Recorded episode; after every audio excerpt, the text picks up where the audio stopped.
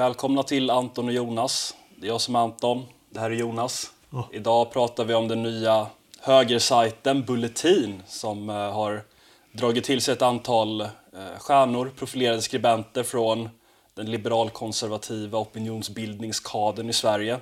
Ja, den har fått ganska stor uppståndelse både på sociala medier men eh, även inom den regimtrogna medien som har slagit på stora trumman och gjort många jämförelser tillbaka till, hör och häpna, 30-talet. Eller kanske 20-talet, för jag får göra den referensen, det som föregår 30-talet. Men eh, innan vi börjar, eh, jag vill bara uppmärksamma på att vi har en ny kanal, en engelskspråkig kanal här på Youtube som heter Boer Project och eh, för er som har följt kanalen en längre tid vet att vi har gjort en uppsjö med olika reportage, dokumentärer, intervjuer som berör situationen i Sydafrika. Och eh, nu samlar vi allt det materialet på ett och samma ställe. Eh, Så gå gärna in och prenumerera där och kika om ni inte redan har sett det.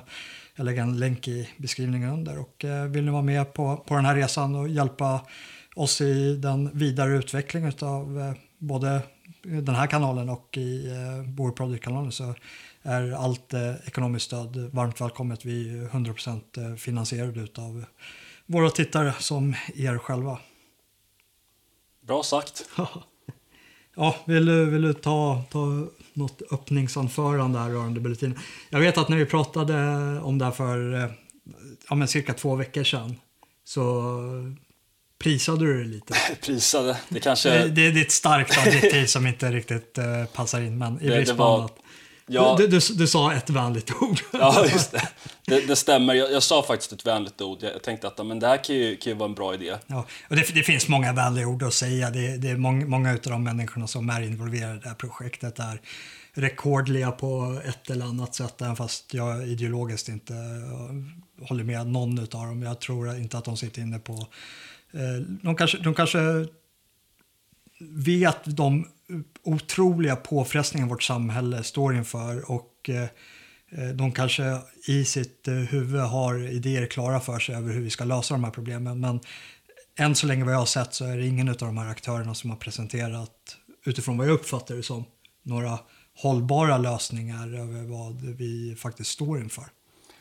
Nej, nej precis så är det ju. Och, eh, ja, det, det jag tänkte så här, det är väl att ja, men nu, nu kommer de sätta samman vad som ju i princip kommer vara någon typ av all-stars-lag eller så här med, med stjärn, stjärngrupp liksom av, av skribenter som varit profilerade på sina respektive tidningar. Det, det rör ju sig om personer som Ivar Arpi, Per Gudmundsson, Paulina Neuding, Alice Teodorescu med, med flera då som har varit, men, som har varit väldigt profilerade då där, där de har verkat. Och jag tyckte väl att ja, men det, det kan väl vara bra att de, de har en plattform där de krav och förväntningar som finns då på de här på deras tidigare arbetsgivare, till exempel Svenska Dagbladet och Göteborgs-Posten inte, inte håller dem tillbaka då, utan där de har sin egen plattform som gör att de kan, kan uttrycka sig så, så som de kanske vill.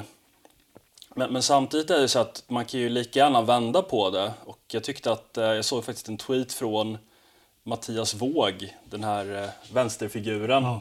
som, som jag faktiskt tyckte var, var ganska träffande på. Det vill säga att för en höger som pratar väldigt mycket om vänsterns marsch genom de etablerade institutionerna så får man ju då säga att Bulletin är en utmarsch från de etablerade institutionerna.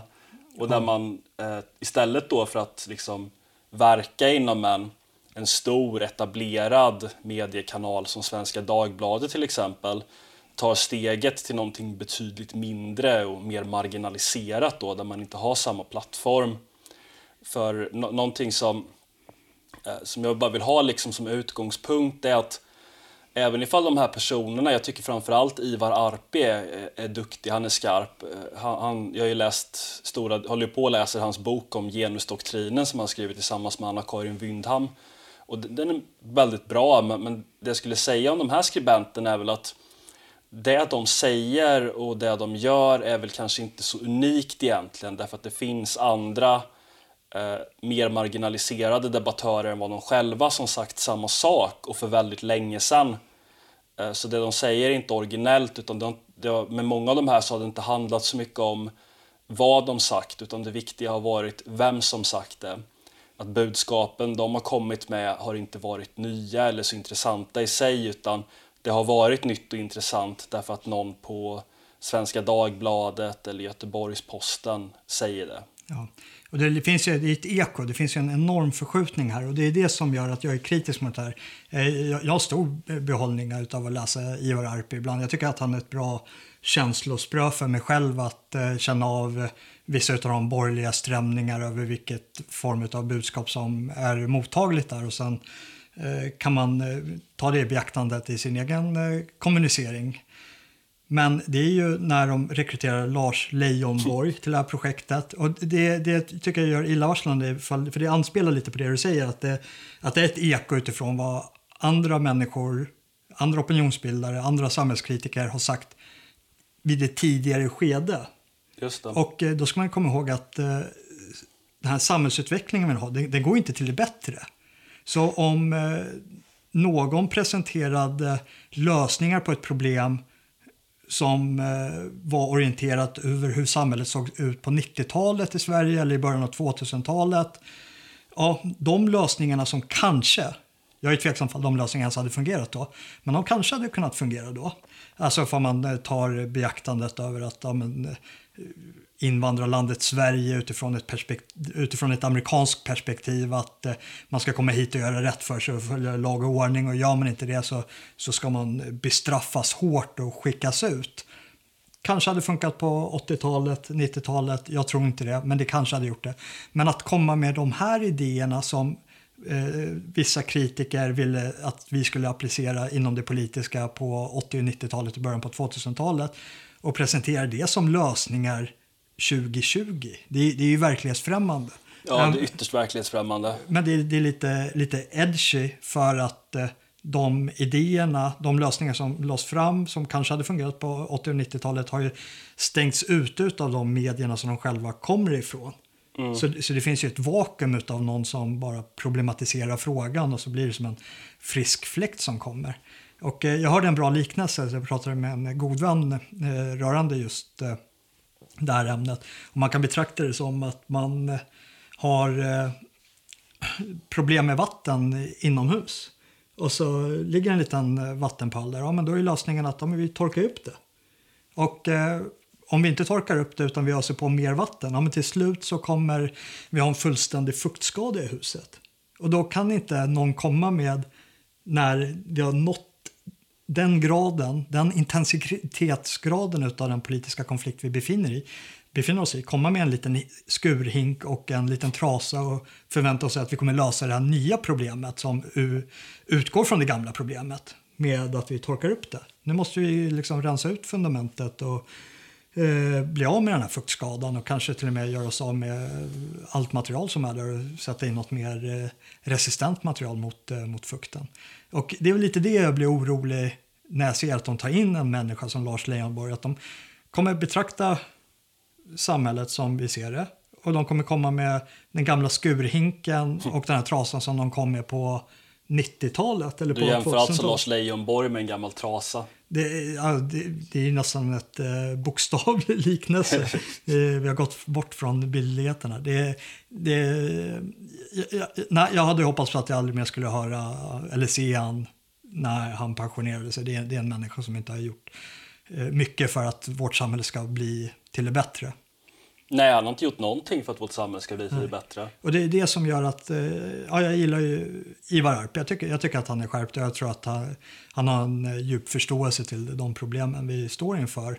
Men jag hade ju hellre sett när han eh, sa upp sig från Svenska Dagbladet att han kanske gjorde gemensam sak med det goda samhället som också befinner sig inom den skåran som jag tror att Bulletin aspirerar på att vara. Men mm. med den enda skillnaden att eh, ifall han nu ska ansvara för poddandet är att han inte kommer behöva tvingas eh, podda med, eh, nu vet jag inte vad den här transpersonen, det, Bulletin har ju rekryterat en vuxen man som klär ut sig till kvinna och går till jobbet. Alltså det, det är märkligt för att uttrycka det milt. Och ska man som konservativ opinionsbildare som vill komma till rätta med mycket av de sakerna som vi har problem med i det här samhället så ska man sitta och prata med en sån människa. Det, det blir som en, det är någon sketch av något slag. Det är en dålig, dålig clownvärld.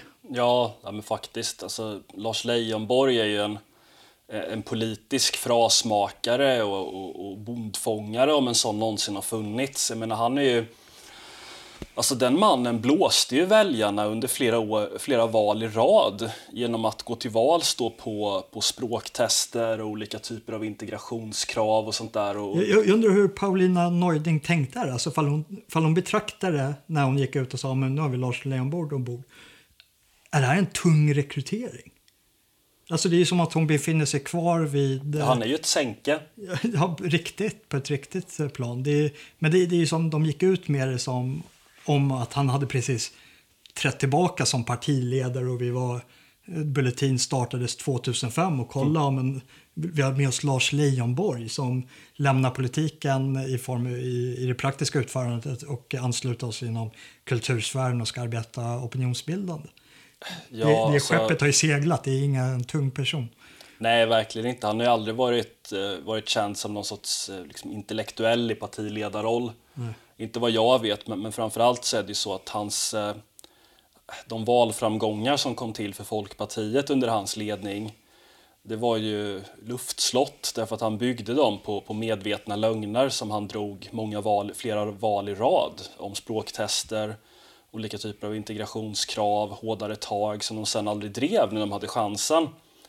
Så det, han, han, han, var en person som blåste väljarna väldigt grundligt och, och, jag tycker inte han har någon trovärdighet överhuvudtaget som politiker därför att när man tittar tillbaka på Lars Leijonborgs arv så, så ser man att det han gjorde var att han, eh, han flöttade med den tidens populistiska opinion och han drog väldigt många människor till Folkpartiet som aldrig borde ha röstat på Folkpartiet som inte hade, vars intre, i vars intressen det inte låg att rösta på dem.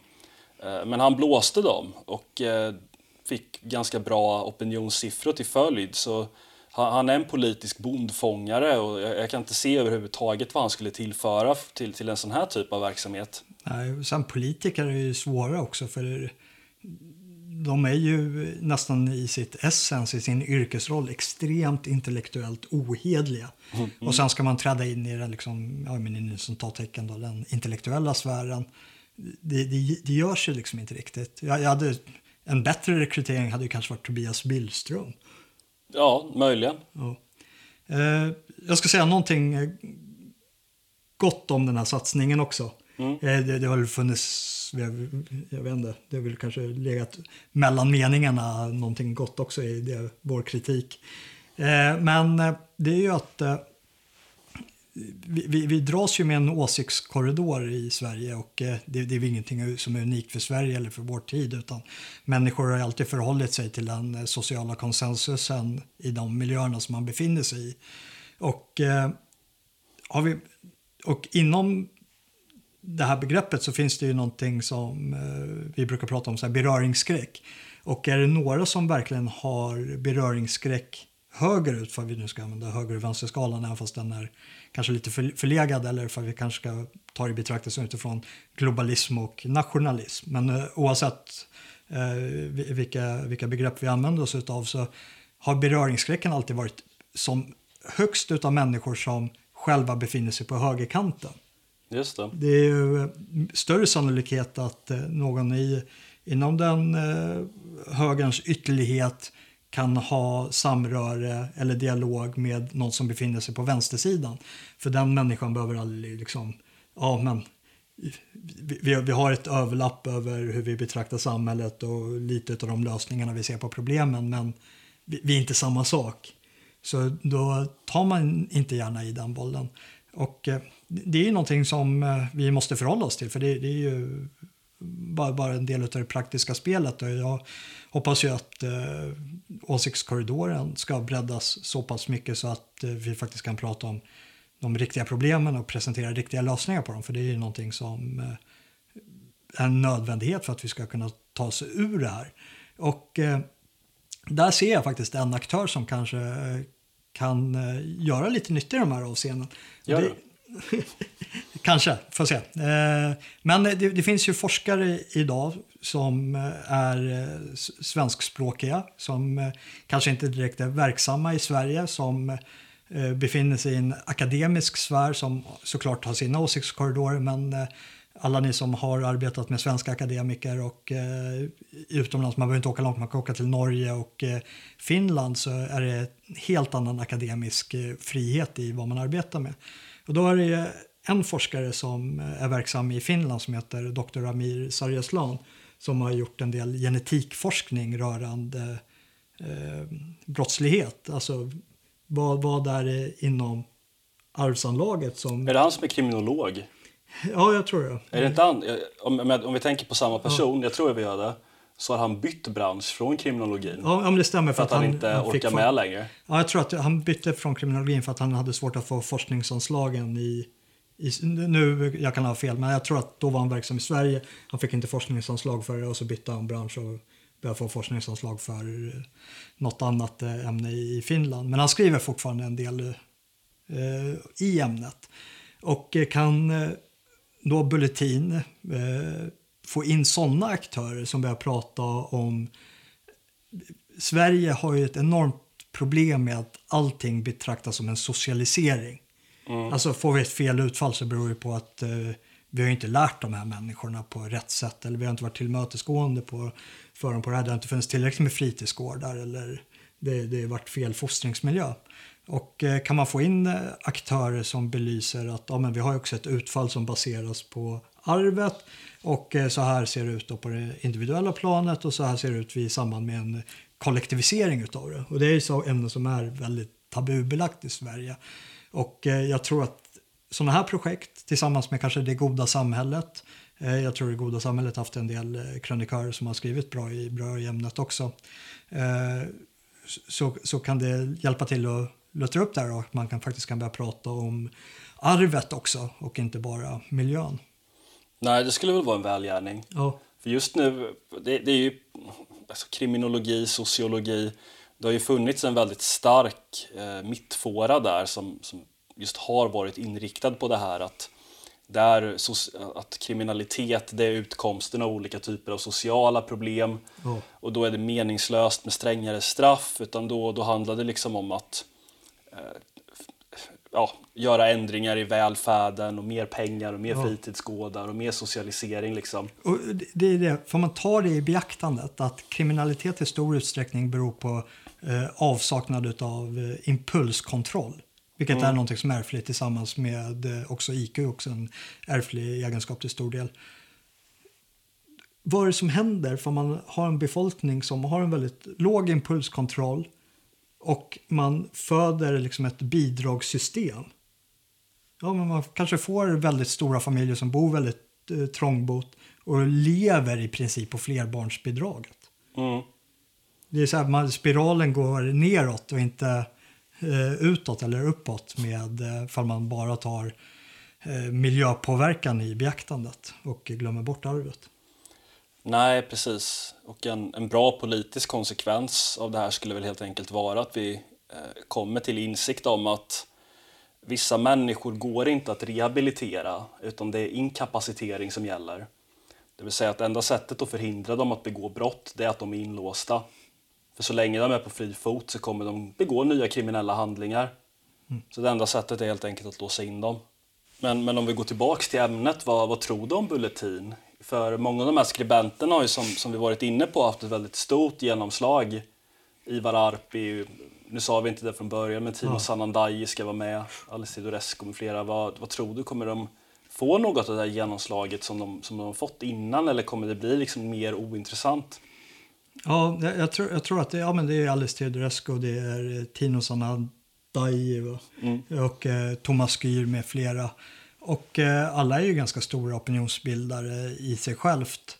Och eh, det, det, ställer en intressant fråga över hur mycket är det som eh, de här enskilda aktörerna har ett eget genomslag eller fall det är de som lyfter upp plattformen eller fall det är plattformen som lyfter upp eh, dem. Mm. Eh, det, det, är svårt att säga för det är många av de här riktigt stora aktörerna så får man ha om, om allting synkas, det är, det är alltifrån eh, den egna kapaciteten av att kunna göra analyser till att kunna presentera det på ett bra sätt till att ha en skön persona som tas emot och ja, jag kommer tänka på typ aktörer som, men ta Erik Berglund. Mm. Det, det är såna, eller Joakim Lamotte.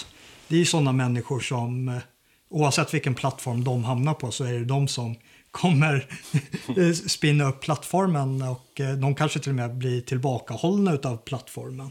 Mm, eh, och, eh, så, så det, det, är svårt att säga. Det, eh, Eh, jag hade ju hoppats att Ivar Arpi när jag hörde att han slutade på Svenska Dagbladet att han skulle prova vingarna likt eh, Joakim Lamotte och eh, göra lite sin egen grej. Och om jag förstod det rätt så ska han vara poddansvarig på den, på den här plattformen och det är ju verkligen någonting som är Alltså om man gör det bra så du, du behöver inte utgå från en plattform för att lyckas. Det kan nästan bli att man lämnar tvångströjan SvD. Nu verkar han ha haft ganska fria tyglar där visserligen men det, det, man är alltid bunden av den plattformen man befinner sig på. Mm. Och är man en riktig kreatör, då gäller det verkligen att man inte känner en tvångströja utav de människor man arbetar med.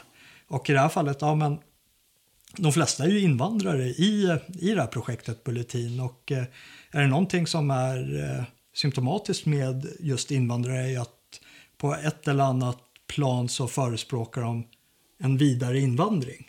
För annars någonstans längs vägen så blir det att man, man eh, nu pratar jag väldigt breda termer, men att man reflekterar över att om det fungerade att när jag kom hit och det fungerade under de här förutsättningarna, jag skötte mig, anpassade mig och eh, så länge människor gör det så går det bra. Och sen går de och röstar på fortsatt invandring och sen så spinner den där bollen. Kanske en liten snöboll först som rullar ner för fjället och sen stor lavin som kommer fram där i, i slutändan.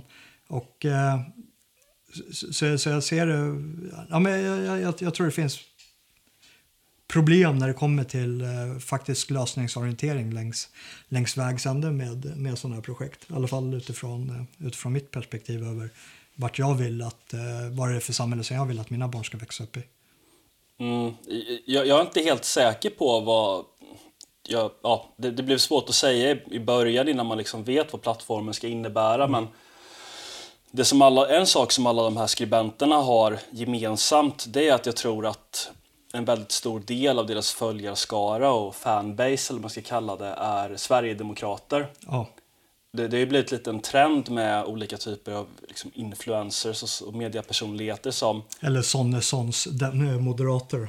Ja, jo men så folk som, eh, Eh, som själva inte är Sverigedemokrater och utåt sett inte gillar Sverigedemokraterna men deras st större delen av deras publik är förmodligen just Sverigedemokrater eller moderater som liksom står väldigt långt till höger och vill att Moderaterna då i princip ska bli Sverigedemokraterna. Och eh, det, det som är frågan är, det ska bli intressant att se Bulletins redaktionella hållning. För om det nu är så att man eh, liksom ska få ut någonting av det här, att man byter stora plattformar mot en liten plattform, mm. då måste man ju få det är ju en trade-off då, att då byter man bort liksom, eh, exponering mot kanske större, större frihet i sitt arbete. Men, men frågan är om det kommer bli så under de här omständigheterna. Många av de här, mycket av liksom opinionen runt de här skribenterna är ju formade kring att man ja, men någonstans den här, de här sverigedemokratiska väljarnas eh, önskningar om att etablerade debattörer ska ta upp problemen som de själva ser. Och det, jag tror att man nästan lägger in, eller vissa lägger in för mycket i det här att någon skriver om problem med integrationen och då, då jublar folk. Bara, Åh, äntligen, nu har en etablerad skribent insett det som mm. liksom SD sa för 25 år sedan typ. Så frågan är vilken, om, om det kommer bli den här trade-offen där, där de faktiskt kommer få större utrymme att skriva någonting eller ifall det bara blir samma som innan fast i ett mindre sammanhang. Jag måste bara knyta an där till uh, vad, vad, vi pratade om tidigare. Och det är så här, ja, får man gå tillbaka på uh, gamla trötta lösningar på problem som existerade då och försöka applicera dem idag. Det är väl det enda gången som jag faktiskt håller med att man kan göra det, det är för man kollar på SDs uh, 80-talspolitik. Bra sagt. Eh, men vad, vad, tror du? Eh, Svenska Dagbladet, ja, de blev av med Paulina eh, Neuding och Ivar Arpi. Och Jag tror Paulina Neuding lämnade för ett tag sedan i och för sig. Hon har ju varit på Kilett, Okay, ja. som en ja. europeisk tidning. En lång resa från, eh, från Svenska Dagbladet och istället så kommer då Patrik Oksanen in och eh, eh, superliberalen, alla likt Johan Norberg heter han. Och eh, ja, Mattias Svensson. Just det, jag, jag, tycker, jag, kan inte, jag kan inte se skillnad på Mattias Svensson och Johan Norberg. Jag tycker de är identiska i åsikter, klädstil, utseende, eh, allting egentligen. Och, och, och Patrik Oksanen, han är ju någon sorts eh, alarmist egentligen. Ja, ja all, allt ju är vara- ryssarnas fel. Det är, det är ju en människa som om han, om han hade varit en opinionsbildare i Amerika, ja nu har han ju spunnit på den här linjen även i Sverige, men det är ju någon som hade liksom försökt blåsa liv i den här uh, ryss, Russian hoax storyn över, eh, som har visat sig vara fullständigt fabricerad över kopplingen mellan att Trump eh, skulle vara någon rysk kollaboratör. Mm. Ja men säkert, han, Eh, han, han... Ja, jag vet inte om man ska säga riktigt om honom. Han är, jag, jag tar inte riktigt honom på allvar för han, han, han är bara för mycket helt enkelt. Det är liksom, Ja, men det blir lite det som blir poängen. Är det någon som kommer ta Svenska Dagbladet på allvar när eh, aktörer som ändå är någorlunda i synk med verkligheten som vi, som vi uppfattar den? Alltså vad, vad, vad, vad har vi kvar i medievärlden förutom eh, sjuklövens socialliberala propagandaorgan när Ja. de här lämnar. Det, kan, det, kan, Det- det kommer ju bidra till kanske en mer mediapolarisering, vilket vi såg nu i samband med hur, inte Svenska Dagbladet eller borgerlig media, men hur vänstermedia gick ut och attackerade Bulletin för att vara just det här 30-talsmedien och hur eh, människor som eh, aktörer som kommer arbeta för Bulletin eller människor som de ska attrahera som läsare brukar referera till den regimtrogna medien som, nu citerar jag från det här, men de knyter an till gamla tyska ord som Lügenpresse och fake news media och allting. Mm.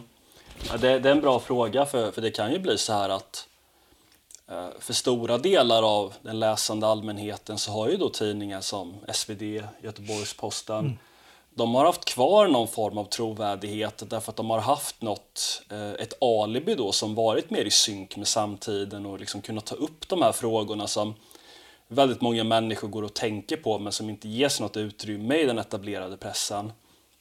Och då tappar de ju väldigt stor trovärdighet när de här alibina försvinner. Det är som att liksom, eh, Christian Sonesson då, som, som driver Moderaterna i Staffanstorp eller Hanif Bali skulle lämna Moderaterna.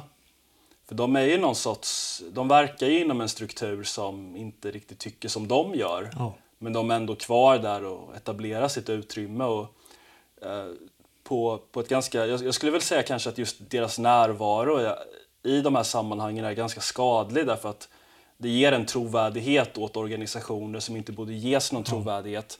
Och det är väl kanske det som, när allt kommer omkring, är det bästa med Bulletin. Att eh, det tar bort trovärdighet från de här institutionerna eller från, från de här tidningarna. Från Svenska Dagbladet, från Göteborgs-Posten med mera. Liksom, för de ska inte ha någon trovärdighet i de här frågorna. Och det blir lite falskt och missvisande att tänka att ja, men SvD är ju bra för där skriver ju Ivar Arpi och han, han, han tar ju upp de här problemen som, som jag går och tänker på och möter i min vardag. Men det, det är nog det bästa faktiskt. att eh, man, istället, istället då tar man in Mattias Svensson och Patrik Oksanen som liksom inte alls kan göra anspråk på det här. Tacksam reningsprocess. ja, onekligen. Så oavsett hur det går för Bulletin så tror jag att det är bra att ta bort trovärdighet från de här gamla tidningarna. Det, det tror jag faktiskt. Ja, nej, jag är benägen att hålla med där att det, det är en stor behållning. Ja, har du några, några sista tankar eller reflektioner? Jag, Tror du får se någon överraskning som kommer Nej. skriva där som befinner sig läng- längre åt vårt håll än, än deras håll kanske? jag tror inte det faktiskt. Jag, jag tänkte nog nästan i början att det, ja, men att det kanske skulle vara nytt och fräscht med, med de här skribenterna och nystart och sådär. Men det, när jag hörde att Lars Leijonborg skulle vara med så fick det hela Istället för Oscar Ray. Det hela fick en väldigt medelålders prägel när, när jag hörde att den Ja, det, det, skulle det komma in i kändes bilden. trött. Det, det, det, där någonstans eh, försvann mina, mina förhoppningar. Om jag nu hade några sen innan. Men eh, själv då? Tror du? Något avslutande? Eh, nej, jag ser väl fram Alltså jag gillar ju idédebatt i, i överlag och jag gillar att läsa perspektiv som inte är mina egna. Så jag kommer nog in och läsa där med, med en viss behållning utifrån från mig själv liksom. Det, det, det tror jag. Eh, och sen får återstå väl se vad, vad samhällsnyttan är. Men det är, det är som allting annat. Att det, är, det är jättesvårt att bedöma. Jag har ju gjort den referensen tidigare när vi har pratat. Och det är ju att får man ställa sig frågan om franska revolutionen var, var bra eller dålig. Det, det är fortfarande för tidigt att säga. och eh, ja, det blir mitt svar för Bulletin då. Bra sagt. Ja, nu vaknar bebisen också så måste vi avsluta. Ja, tack för den här gången. Sköt om er.